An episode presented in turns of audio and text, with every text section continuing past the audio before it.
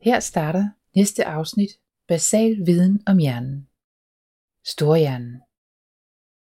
Storhjernen fylder det meste af hjernen og ligger på indersiden af kraniet. Den er delt op i en højre og en venstre hjernehalvdel. Men forskningen er på vej væk fra ideen om, at venstre er logisk og højre er kreativ. Der foregår meget mere på kryds og tværs, som aktiverer begge hjernehalvdele. Den yderste del af storhjernen er hjernebarken, og inde i midten ligger det limbiske system, og nederst ligger reptilhjernen. Hjernebarken. Den krøllede yderste del af storhjernen er hjernebarken, og det er især denne del, der adskiller mennesker fra dyr. Kognitive tanker, vores evne til at tale og forstå sprog, og meget andet foregår i hjernebarken. Hjernebarken er inddelt i fire lapper. Pandelapper, iselapper, tindingelapper og nakkelapper. Pandelapper. Pandelapperne bliver også kaldt frontallapper og er hjernens CEO eller dirigent, da de er i stand til at planlægge og tænke abstrakt og strategisk på højt niveau. Her hører arbejdshukommelsen til. Arbejdshukommelsen kan håndtere meget komplekse tanker, men den kan kun holde styr på få områder ad gangen, og den bliver meget nemt forvirret. Når du får svært ved at samle tankerne efter længere tids koncentration, så kan det godt være på grund af en overbelastet arbejdsudkommelse, der vil blive glad for en lille pause, hvis du lader hjernen køre i tomgang i nogle minutter, inden du fortsætter. Iselapper, tindingelapper og nakkelapper. Her modtages forskellige sanseindtryk, som sammenkobles med tidligere erfaringer. I denne hjernefabel berører vi kun pandelappernes funktion. Det limbiske system, og i hjernefablen kalder vi det for det limbiske vildnis. Inde i hjernens midte ligger det limbiske system, som blandt andet strukturerer og håndterer vores emotioner og følelser. Emotioner er kroppens psykofysiske respons på vores oplevelser, og de opstår i løbet af få millisekunder. Følelser derimod opstår som den kognitive bearbejdning af emotionerne og er lidt langsommere.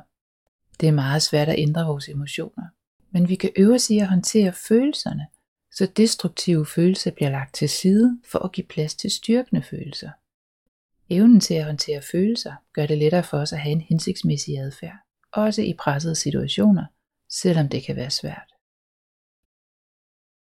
En lang række hormoner bliver produceret i det limbiske system, og der sendes signaler fra det limbiske system til andre steder i kroppen om at producere hormoner. Vores evne til at huske og forstå bliver primært styret herfra, men andre dele af hjernen bidrager også til både vores tidsopfattelse og hukommelse. Hippocampus befinder sig i den yderste del af det limbiske system og mødes med tændingelapperne. Amygdala, hypofysen og koglekirtlen, som du møder i bogen, befinder sig længere inde i det limbiske system. Mens du læser hjernefablen, bliver dit limbiske system påvirket, fordi det skønlitterære sprog vækker dine sanser og følelser. Der er kortere vej til langtidsudkommelsen fra følelserne i det limbiske system, end der er fra den abstrakte læring hos pandelapperne. Og derfor er der en god chance for, at din viden om hjernen vil lære sig automatisk som billeder og følelser. Og det skal lige nævnes her, at dette er en yderst forsimplet måde at beskrive vores hukommelse på. Men jeg holder det enkelt i bogen.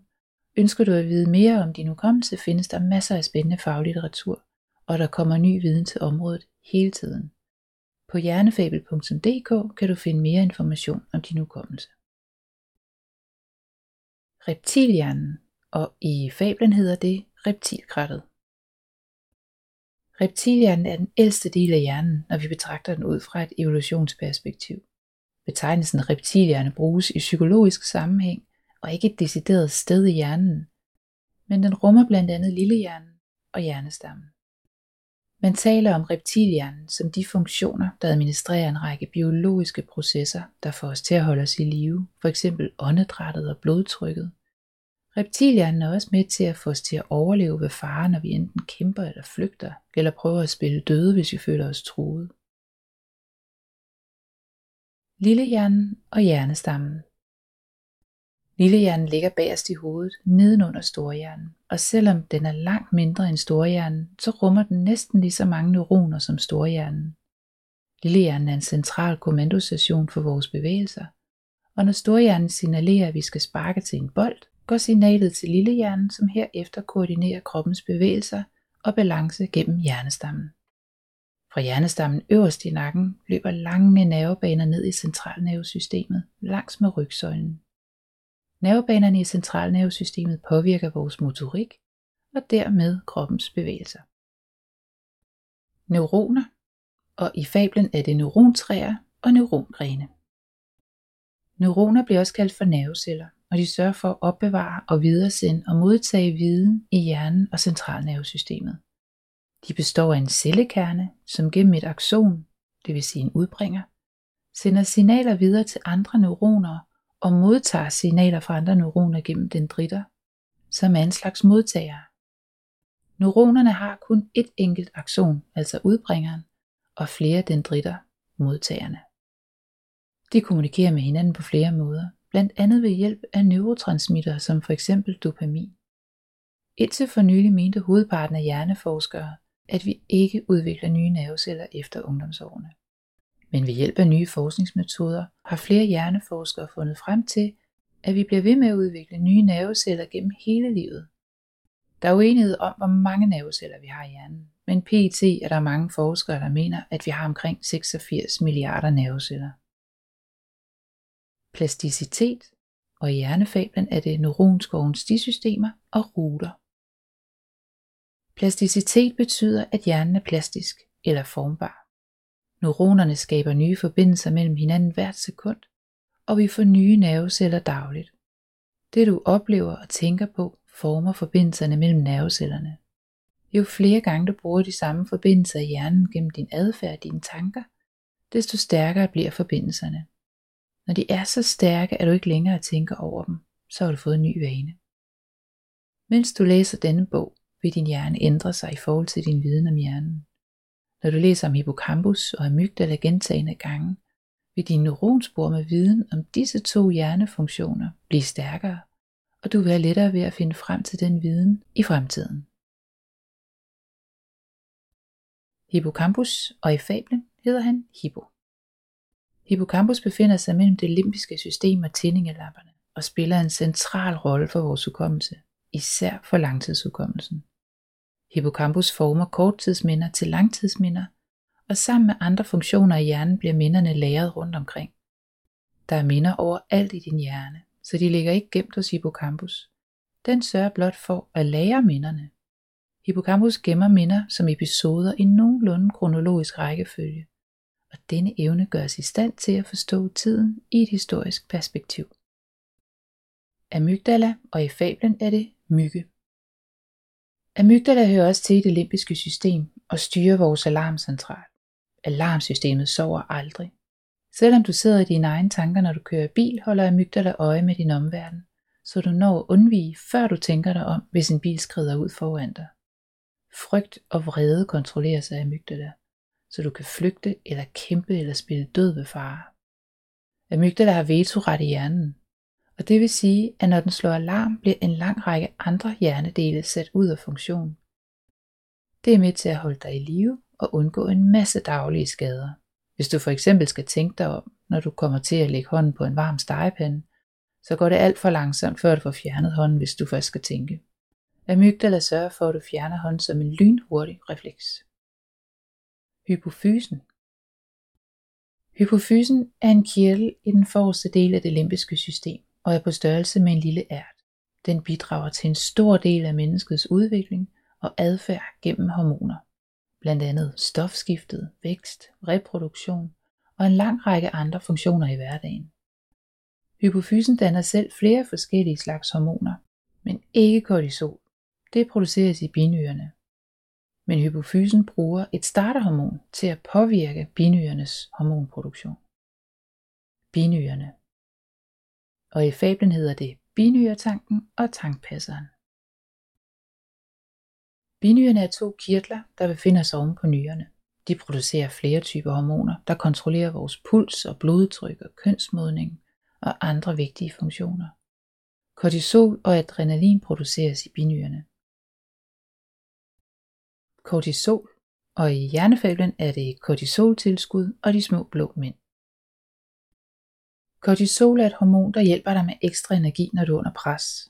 Det kan udløses ved både fysisk, biokemisk og psykisk pres. Hjernefablen fokuserer på det psykiske pres.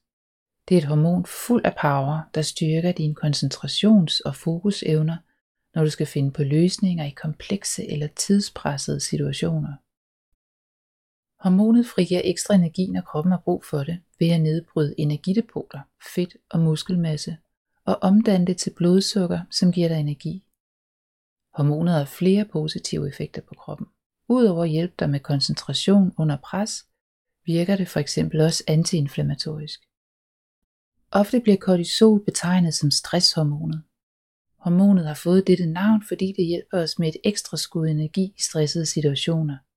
Men også fordi det har skadelige effekter på os, som for eksempel hukommelsestab og koncentrationsbesvær og hjertebanken, hvis vi presser os selv i en længere periode og får for meget kortisol i kroppen. De skadelige effekter udløser stress, så vær opmærksom på hektiske eller anspændte perioder i længere tid ad gangen. Pres i sig selv er på ingen måde farligt. Tværtimod, så giver det energi og udløser positive reaktioner, når vi kommer i mål med noget svært. Men giv din hjerne noget ro til at komme sig efter pres. Søvn og et roligt sind trods uvær omkring dig kan hjælpe dig med at holde kortisolniveauet på et fornuftigt niveau. Og så kan du holde dig selv kørende i længere tid. I hjernefablen betragtes kortisol som koncentrations- eller fokushormonet i stedet for stresshormonet. Kortisolniveauerne i kroppen ændrer sig automatisk i takt med din naturlige døgnrytme. Lyt gerne til afsnittet om kortisol i kapitel 3 en ekstra gang, for at forstå, hvad du skal være opmærksom på i forhold til kortisol og hvordan du bedst gør brug af vidundermidlet under pres. Kortisolreceptorer og i hjernefablen er det blokadeklapper.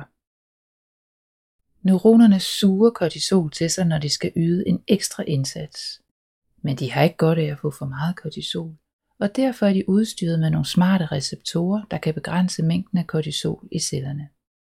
Om aftenen falder kortisolniveauet i hjernen under normale omstændigheder, og derfor kan receptorerne slappe af og samle kræfter til næste dag.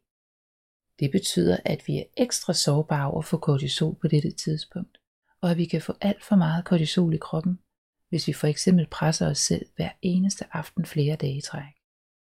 Hvis dette fortsætter over længere tid, påvirker det blandt andet vores hukommelse negativt. Adrenalin og i hjernefablen er det adrenalingas til impulsræserne. Adrenalin er også et hormon, der hjælper os under pres. Det hjælper os med at forsyne musklerne med energi og hæver puls og blodtryk ved at påvirke hjertet og lungerne, så vi kan øge vores tempo både psykisk og fysisk. Adrenalin sender sukker og ilt ud til musklerne og gør os kampklar i nødsituationer eller ved sportspræstationer. Adrenalin samarbejder med kortisol for at øge blodsukkeret ved pressede situationer. Hvis vi bliver bange eller forskrækket, gør adrenalin os klar til at håndtere situationen. Det var praktisk på savannen i gamle dage, så vores forfædre var klar til at løbe væk fra løven. Melatonin, og i fablen er det melatoninhonning.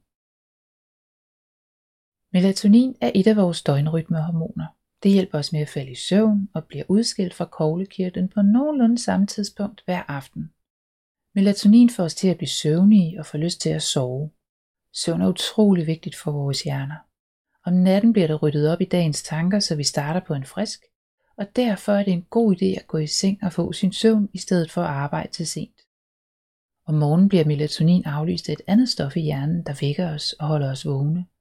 Men fordi vi stadig har melatonin i kroppen, har vi ofte lyst til at blive under dynen i stedet for at stå op. Men denne trang forsvinder dog i takt med, at vi kommer op og bliver aktive og har lys omkring os.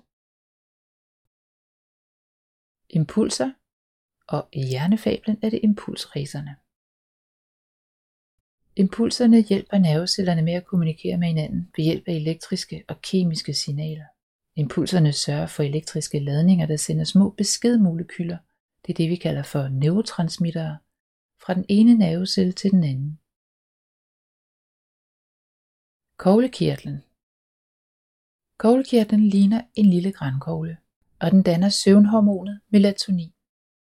Koglekirtlen styres af den suprachiasmatiske nucleus, SCN, der hjælper kirtlen med at sende melatonin ud i kroppen og stoppe tilførslen af hormonet igen på nogenlunde samme tid hver dag episodisk tid, og i hjernefablen er det tempokuglerne og hippos arkivering. Episodisk tid kan beskrives for flere hjernefunktioner. En funktion er hippocampus evne til at gemme episoderne, vi oplever, i sådan nogenlunde kronologisk rækkefølge, så vi har styr på den historiske tid. En anden funktion håndterer vores opfattelse af nuet, om tiden føles hurtig eller langsom. Norske forskere har opdaget nogle nerveceller, der lægger sig i orden eller uorden, alt efter om det vi foretager os er monotont eller med variation. Når vi oplever noget kedeligt, så lægger de små celler sig i uorden, hvilket sænker farten mellem cellerne, og det føles som om tiden snegler sig afsted. Men når vi oplever noget spændende, så lægger cellerne sig i lige rækker, og tempoet mellem cellerne øges, og så føles det som om tiden flyver afsted. Den suprachiasmatiske nukleus SCN, og i fablen kalder vi den for urkernen. SCN er en hjernekerne, der styrer vores indre ur, så vi har en naturlig tidsfornemmelse af døgnet. Selvom SCN ligger dybt inde i hjernen langt fra øjnene, kan den fornemme, om det er lyst eller mørkt udenfor. Det kan den, fordi den ligger oven på mødestedet for synsnerverne, der har adgang til øjnene. Det indre ur i hjernekernen har en naturlig døgnrytme på 25 timer. Så hvis du bliver inde i en mørk grotte i nogle dage, uden et ur, vil din egen døgnrytme skifte til en 25 timers døgnrytme.